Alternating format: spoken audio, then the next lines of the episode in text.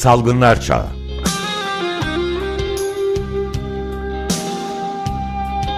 Pandemide Sağlık.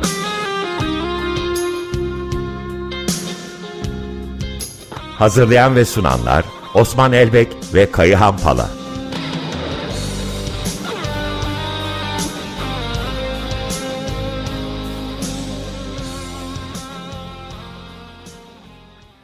Merhabalar Osman Bey, Kayan Bey. Merhaba, günaydın. Günaydın. Günaydın. Günaydın. Evet, bugün ne, ne var pandemide, sağlıkta, salgınlar çağında?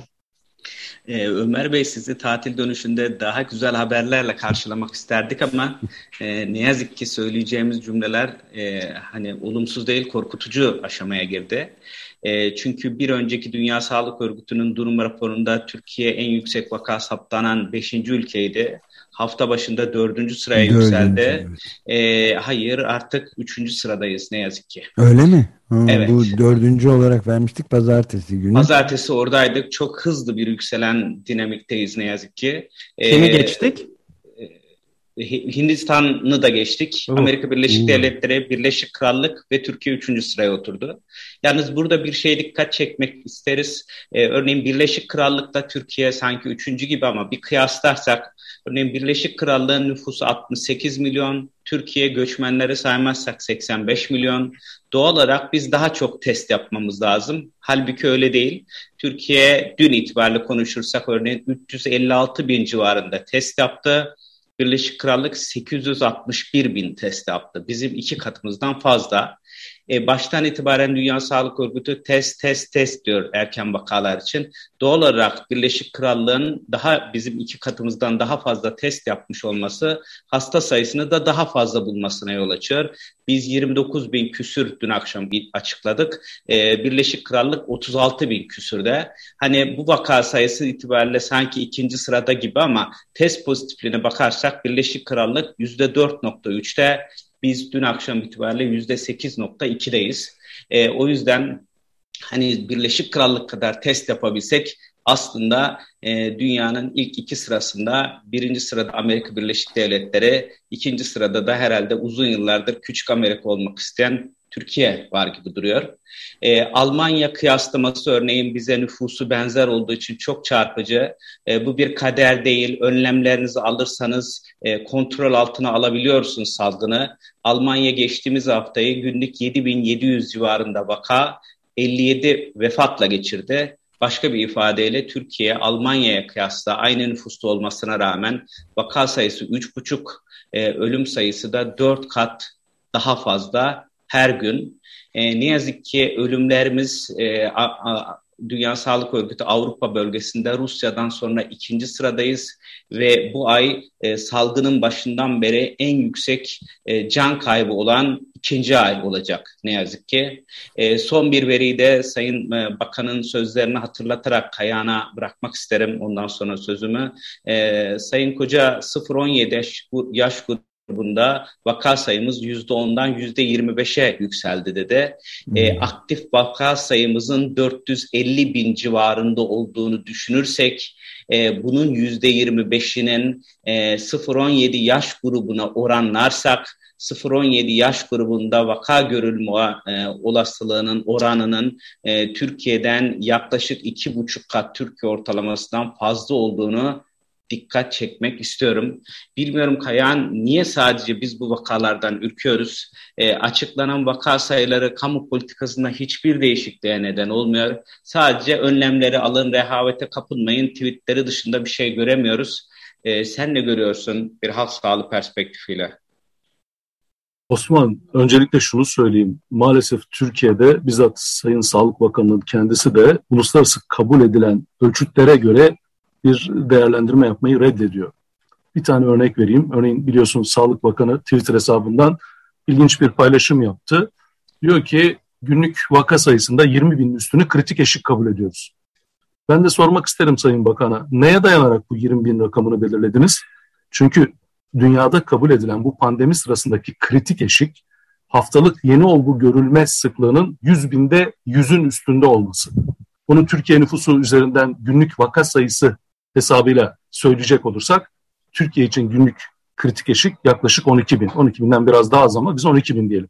Dolayısıyla 12 bin olarak toplumla buluşturulması gereken bir kritik eşik rakamını bile 20 bin olarak söylemeye başladığımız andan itibaren zaten vaka sayılarındaki artışı umursamaz bir duruma gelmiş oluyoruz ki bir parantez açalım. Sen de biliyorsun Ağustos'un ilk haftasından bu yana Türkiye'de Sağlık Bakanlığı tarafından açıklanan olgu sayıları ile ölüm sayıları arasında ilişkide bir tuhaflık var. Daha önceki aylara ve yıla benzemiyor. Bir başka deyişle bu kadar yüksek 200'ün üstünde ölümler olurken günlük olgu sayısının 30 bin üstünde 40 bin civarında olmasını beklediğimiz bir dönemde işte 20-30 bin aralığında gidiyor. Bu da akıllara tekrar acaba bütün doğrulanmış olgular duyurulmuyor mu ya da test yapma politikasıyla ilişkili olarak başka bir sorun mu var sorusunu gündeme getiriyor. Aksi halde eğer böyle bir durum yok ise Türkiye'de dünyadan farklı olarak olgu ölüm hızında bir artış trendinin yaşandığı söylenebilir ki bunun yaşanıyor olması için herhangi bir e, gerekçenin olmadığını biliyoruz.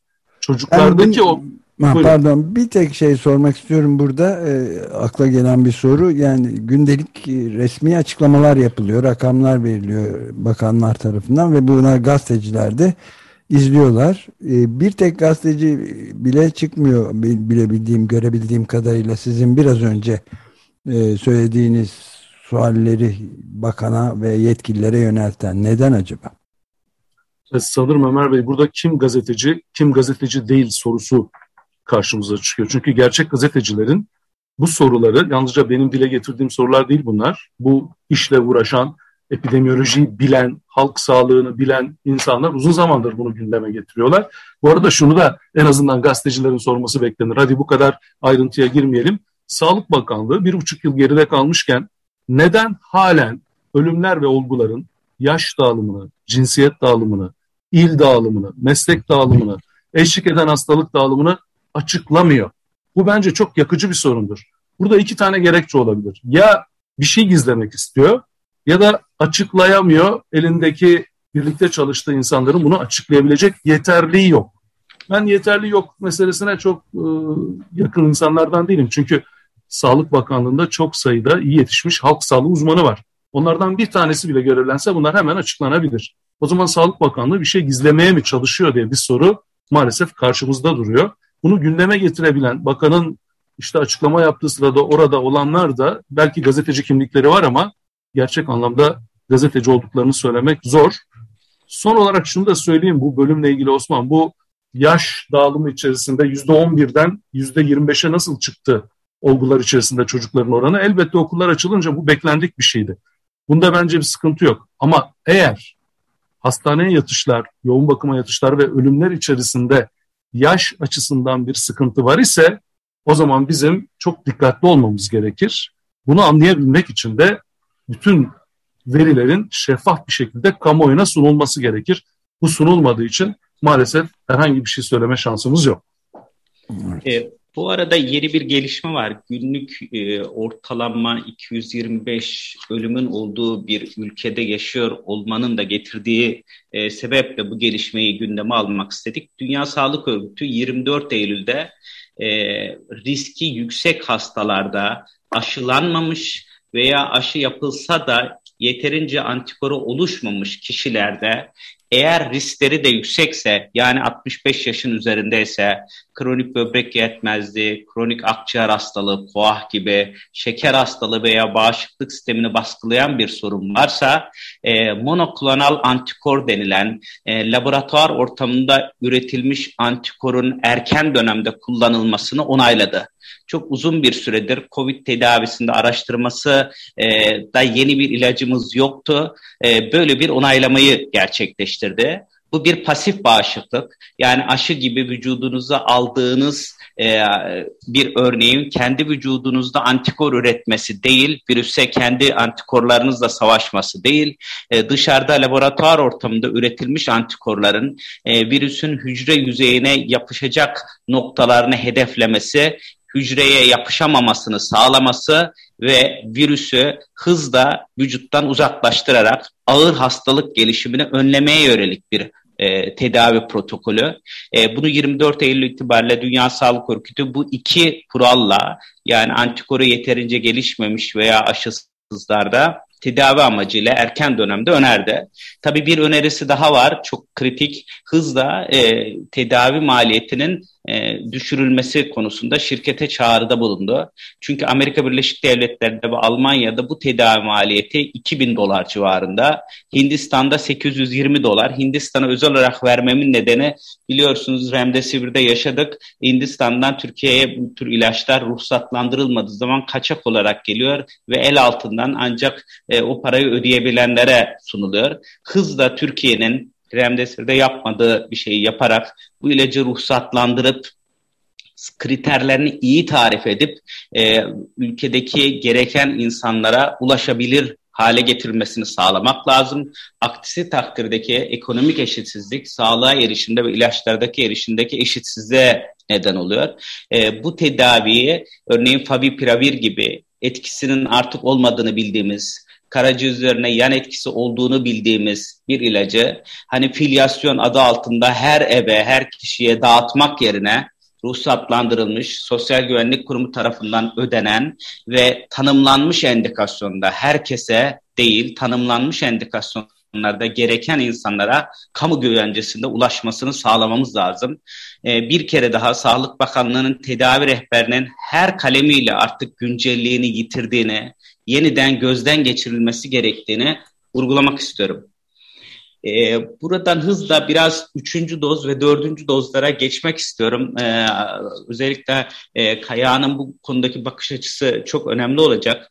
Ee, biliyorsunuz Türkiye'de geçtiğimiz hafta bir haber verildi. Turkova'nın artık seri üretime geçilmesine dair bir takım anlaşmalar e, konusunda görüşme yapıldı ifade edildi e, henüz Dünya Sağlık Örgütü'nün aşı sayfasına e, yansımamış olsa da Türkiye'de biz bugün biliyoruz ki Koçak e, firmasının faz 1'de yürüttüğü bir araştırma var. E, virüs benzeri proteinlerin, virüs benzeri partiküller üzerine yapılan araştırma, aşı araştırması faz 2 aşamasında ve Haziran 2021'den itibaren de Türkovan faz 3 araştırmasına geçtiğini biliyoruz. E, ancak özellikle Türkova'nın faz 1 ve faz 2'sine dair bugün itibariyle ne hiçbir e, bilimsel dergide ne Sağlık Bakanlığı'nın bir raporunda sonuçlarını okumadık. E, Türkova'nın kullanılmasına, acil kullanım onayına e, aşamasına geldiği noktada e, faz 1, faz 2 ve faz 3 verilerinin e, bilimsel bir araştırma veya Sağlık Bakanlığı tarafından yayınlanan bir raporla herkesin ulaşılabilir e, hale getirilmesine, e, bu anlamıyla sonuçlarının görülerek e, toplumda yaygınlaştırılmasına ihtiyacımız var. E, ne dersin Turkova konusunda Kayağan? Öncelikle şunu söyleyeyim Osman, biliyorsunuz Sağlık Bakanı geçen hafta yaptığı açıklamada Ekim ayında Türkova'nın üretimine başlanacağını söylenmişti. Dolayısıyla yarın 1 Ekim, yani henüz ortada bir şey yok. Senin de söylediğin gibi bizler Türkova ya da diğer Türkiye'de üretilecek aşıları açıkçası merakla bekliyoruz ve heyecanla bekliyoruz. Bir an önce bu aşılar üretilebilsin ki pandemiye karşı güçlü bir yanıt verelim. Hatta mümkünse bu yanıtın küresel düzeyde verilmesine de destek olalım. Ancak henüz ortada herhangi bir faz sonucu bilimsel dergide yayınlanmış, bilimsel bir raporu topluma açıklanmış bir aşı söz konusu değil. O yüzden de bundan daha fazla bir şey söylemek pek mümkün görünmüyor. Umarım kısa zamanda faz 1, faz 2 ve faz 3 sonuçları bir bilimsel hakemli dergide yayınlanır ve biz bunun üzerinden değerlendirme olanağı buluruz diye düşünüyorum. Onun dışında şu anda Türkiye'de aşıyla ilgili bir şey söylemek mümkün değil. Ama geçmişe bir atıfta bulunalım istersen. Ee, Osman hatırlarsan geçtiğimiz yılın Kasım-Aralık aylarında da Sağlık Bakanı 2021 yılının Nisan'ından itibaren yerli aşının kullanıma gireceği iddiasında bulunmuştu. O iddianın da hayatta bir karşılığının olmadığını yaşayarak öğrenmiş olduk. E, Sayın Cumhurbaşkanı geçmişte Ocak 2021'de hatta yeni yılla birlikte aşının, yerli aşının kullanılacağına ifade edilmişti. Zaten bu bir buçuk yılda bol karşılığını görmediğimiz müjdeler gördük. E, ortada sadece günlük bugün itibariyle 225 insanın öldüğü gerçeği var bu müjdelerin karşısında. Bir şey söyleyeceğim Osman. Burada bana çok sorulan bir şey. Türkiye'nin olgu ölüm hızıyla dünyadaki olgu ölüm hızı arasında farklılık var. Yani dünyada kayıtlara girmiş veriler üzerinden hesaplandığında 100 kişiden ikisi ölmüş. Türkiye'de bu yüzde bir civarında. Sağlık Bakanı biliyorsun uzun zaman bunu Türkiye'de kullanılan tedavinin etkinliğiyle ilişkilendirmişti. Tedavide önce hidroksiklorokinin bir işe yaramadı. Sonrasında da bu favipilavirin bir işe yaramadığı ortaya çıktı. Dolayısıyla bunun tedaviyle falan ilgisinin olmadığı çok açık. Peki neyle ilgisi var? Senin ilk konuşmada üstüne vurgu yaptın. Türkiye'de test politikasının sınırlı olmasıyla yakından ilgisi var. Biz yeterince gerçekten de olguyu bulamıyoruz. O yüzden de verilerimizi uluslararası düzeyde karşılaştırmak çok mümkün olmuyor. E, bir de herhalde bugün itibariyle hani e, toplam ölüm oranımız, vefat sayımız 60 bini aşmış olsa da fazladan ölümlerimizin 190 bine ulaştığını, bu yüzden hani aslında ölüm sayımızın e, gerçeklikle uyumsuz olduğunu ifade etmek lazım herhalde bu olgu e, fatalite oranını planlarken.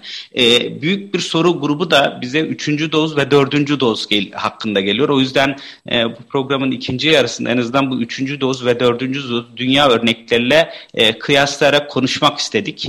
E, biliyorsunuz Coronavac ki ben e, aşı isimlerinde ısrarla şirket ve millet adları kullanmak istemiyorum. E, bu yüzden de Turkova'nın çok yanlış bir tercih olduğunu e, ifade ederek devam edeyim. E, Çin Sinovac firması tarafından üretilen Coronavac ikinci dozdan yaklaşık 4-16 hafta sonra antikor düzeylerinde düşme olduğunu ve bu nedenle bir üçüncü doza iki doz Coronavac'ın arkasından gerektiğini bugün itibariyle bilimsel olarak biliyoruz. E, Pfizer-BioNTech şirketleri tarafından üretilen Comirnaty'de ise yaşın kritik bir grup olduğu kanaatindeyim.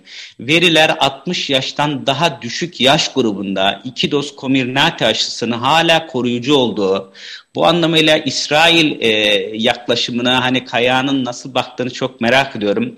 E, o, o ikinci dozdan 5 ay sonra yaklaşık tüm yaş grubuna e, aşılamayı yaptı İsrail. Hastalık ve ağır hastalık oranlarını da azalttı gerçekten. E, dünyada aşı eşitsizliğinin bu kadar yüksek olduğu bir yerde sadece enfeksiyonu önlemek için 60 yaş altında ikinci dozdan sonra üçüncü doz yapmak gerekir mi tartışması var. E, veriler sanki 60 yaşın üstünde sağlık çalışanları gibi ağır hastalık riski altında olanlarda ve veya e, kanser tedavisi gibi bağışıklık sistemini baskılayan herhangi bir ilaç kullananlarda üçüncü dozun gerektiğine ama diğer gruplar için üçüncü doz konusunda gerçekten çok tedrici olmak gerektiğine kanaatimce vurguluyor. Hele hele sadece antikor düzeyi titrelerine ki e, hani başkanlar düzeyinde bu tartışmanın yapıldığını görüyoruz. Benimki kaç, sizinki kaç gibi. Antikor düzeyindeki herhangi bir titrenin koruyuculuğu doğrudan gösterdiğine dair bugüne kadar elimizde çok veri yok e, yüksek antikor titresi az hastalanacağım ve hastalığı hafif geçireceğim konusunda da e, aksini gösteren araştırmalar var. Bu yüzden antikor titrelerine birbirleriyle yarıştırmak yerine e, hastalık hastalıkları üzerinden aşılara bakmak daha doğru. Tabii dünyada dördüncü dozu yapan tek ülkeyiz. İki koronavan arkasından bugün itibariyle iki komirnate yapabilen bir ülkeyiz. Ee, bunu da görebildiğim kadarıyla 750 binden fazla kişiye yapmışız dört doz. Bakanlığın web sayfasından çıkarabildiğim rakam böyle dün akşam itibariyle. Buna ait de hiçbir veri yok. Ee, ne dersin Kayan? Üçüncü dozu kimlere yapalım? Dördüncü dozun konusunda senin görüşün nedir? İlk olarak şunu söyleyeyim Osman. Halen Türkiye verileri bilmiyoruz. Oysa ülkeler arasında senin de söylediğin literatürde de karşımıza çıkan farklılıklar var. İmmünoloji bilgisi çok yeterli olan e, bilim insanlarının aktardığı eğer arka plana bakacak olursak bunun o bölgenin, o insanların, o topluluğun e, bağışıklık alanındaki durumlarıyla da yakından ilişkisi olduğunu söylemek gerekir. O yüzden Türkiye'nin verilerine şiddetle ihtiyacımız var. Bakanlık gerçekten bunu niye açıklamıyor? Her programda söylüyoruz ama anlamak mümkün değil. Bugüne kadar 108 milyon üstünde aşı yapılmış. İşte iki doz aşı yapılan kişi e, sayısı toplumun yarısına yaklaşmış. O zaman çok basit bir şekilde aşı olanlar da olmayanlar arasında aşı etkililiğinin toplum verileriyle açıklanması lazım. Bu açıklanmadan söyleyeceklerimiz literatür bilgisi ve Türkiye'de sınırlı denekle yapılan araştırmalar üzerinden olabilir. Ben bunun üzerinden kişisel görüşlerimi söylemeye çalışayım. Tabii bunlar tamamen e, bilimsel verilerle desteklenen görüşlerdir. Benim yoksa başka türlü kişisel görüş ifade etmem doğru olmaz. İlk olarak şunu söyleyelim, sen de vurguladın. İki Sinovac aşısı bugün itibariyle bu hastalıktan korumaya yetmiyor. Dolayısıyla iki Sinovac aşısı olanların bir üçüncü aşıya ihtiyaçları var. Sık sorulan soru hangi aşı olabilir? Her ikisi de olabilir. Ama hmm. yapılan araştırmalardaki sonuçlar iki Sinovac sonrasında tek doz BioNTech olunursa antikor düzeyinin daha yüksek olacağı biçiminde ama antikor düzeyinin daha yüksek olmasının ne anlama geldiği konusundaki belirsizliği sen zaten ifade ettin. Fakat kesin olan şey şu. Eğer iki doz Sinovac'lıysanız bir doz daha bir aşı yaptırın. Ya Sinovac ya BioNTech. Örneğin ben iki doz Sinovac üzerine bir doz BioNTech aşısı yaptırmış olanlardan birisiyim. Üç aşılıyım. Peki şimdi iki doz BioNTech olanlar açısından durum ne? Yine dünyadaki verilere ve Türkiye'den bizim sınırlı sayıda elde edebildiğimiz verilere baktığımızda eğer bağışıklık sistemini baskılayan herhangi bir probleminiz yok ise iki doz BioNTech şu an için yeterince koruma sağlıyor. İkinci dozdan sonraki 6 ay geçtikten sonra bu durumun tekrar değerlendirilmesi gerektiğine ilişkin bir ortak görüş var. Dolayısıyla şu anda iki doz BioNTech olanlar eğer bir kanser, bir organ nakli ya da işte sürekli bir takım kronik hastalıkları nedeniyle çok fazla sayıda ilaç kullanmak gibi durumla karşı karşıya değillerse iki doz yeterli. Peki iki doz Sinovac üzerine bir doz BioNTech olanlar dördüncü dozu yaptırsınlar mı? Hayır. Şu andaki bilgilerimiz bunun yaptırılması için henüz erken olduğunu çünkü daha yeni açıklanan birkaç araştırmanın verilerine baktığımızda iki doz Sinovac üzerine bir doz BioNTech yaptıranların yeter miktarda hatta çok daha yüksek miktarlarda bir antikor düzeyiyle karşımıza geldiğini gösteriyor. Ancak tekrar ediyorum Osman, bu konuda kesin bir şey söyleyebilmek için antikor düzeylerinin de bize yeterince güçlü kanıtlar vermediğinden yola çıkarak toplum verilerine ihtiyacımız var. Yani iki doz Biontech olanların hastalanma, yoğun bakıma düşme ya da ölmeleriyle ilgili olasılıkları hiç aşı olmayan ya da işte üç aşılı olanlarla karşılaştırarak ortaya koyabilirsek o zaman bizim insanlarımıza daha net kanıta dayalı yanıtları verme olanağımız olacak. Sağlık Bakanlığı'na buradan bir kez daha çağrıda bulunalım. Zaman geçirmeyin. Bu verileri açıklayın. Eğer açıklayabilecek düzeyde bunu hesaplayacak bir e, bilgi birikimi, insan gücünden yoksunsanız biz elimizden gelen desteği sunmaya hazırız.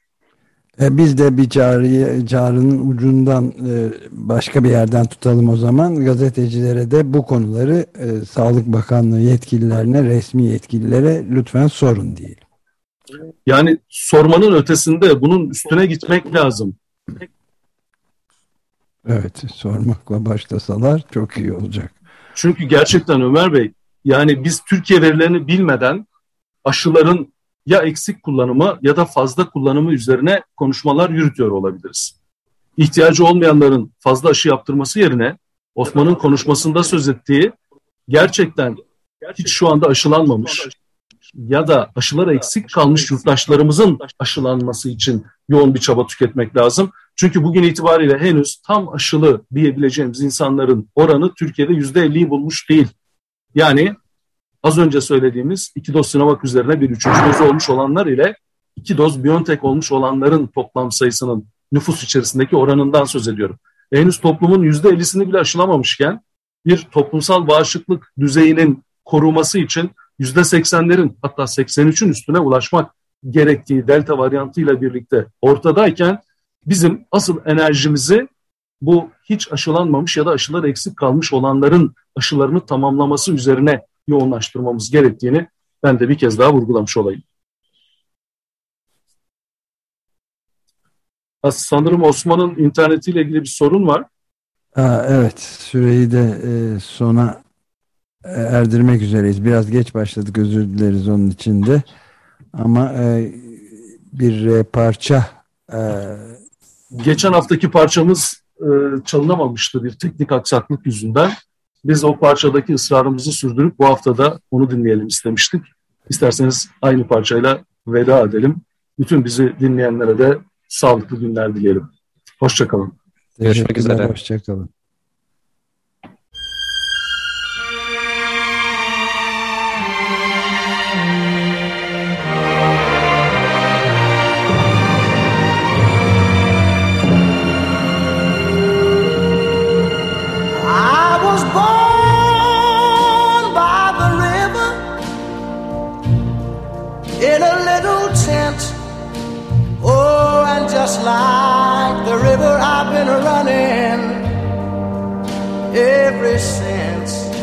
It's been a long, a long time coming, but I know a change gonna come. Oh, yes, it will. It's been too hard living, but I'm afraid to die. Cause I don't know what's up there beyond the sky. It's been a long, a long time coming, but I know a change gonna come. Oh, yes, it will.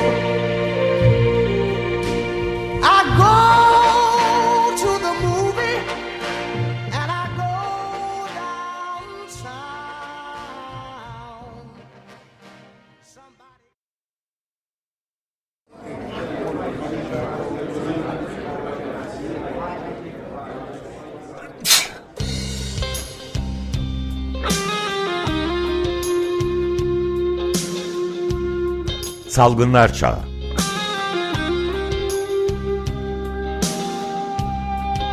Pandemide Sağlık.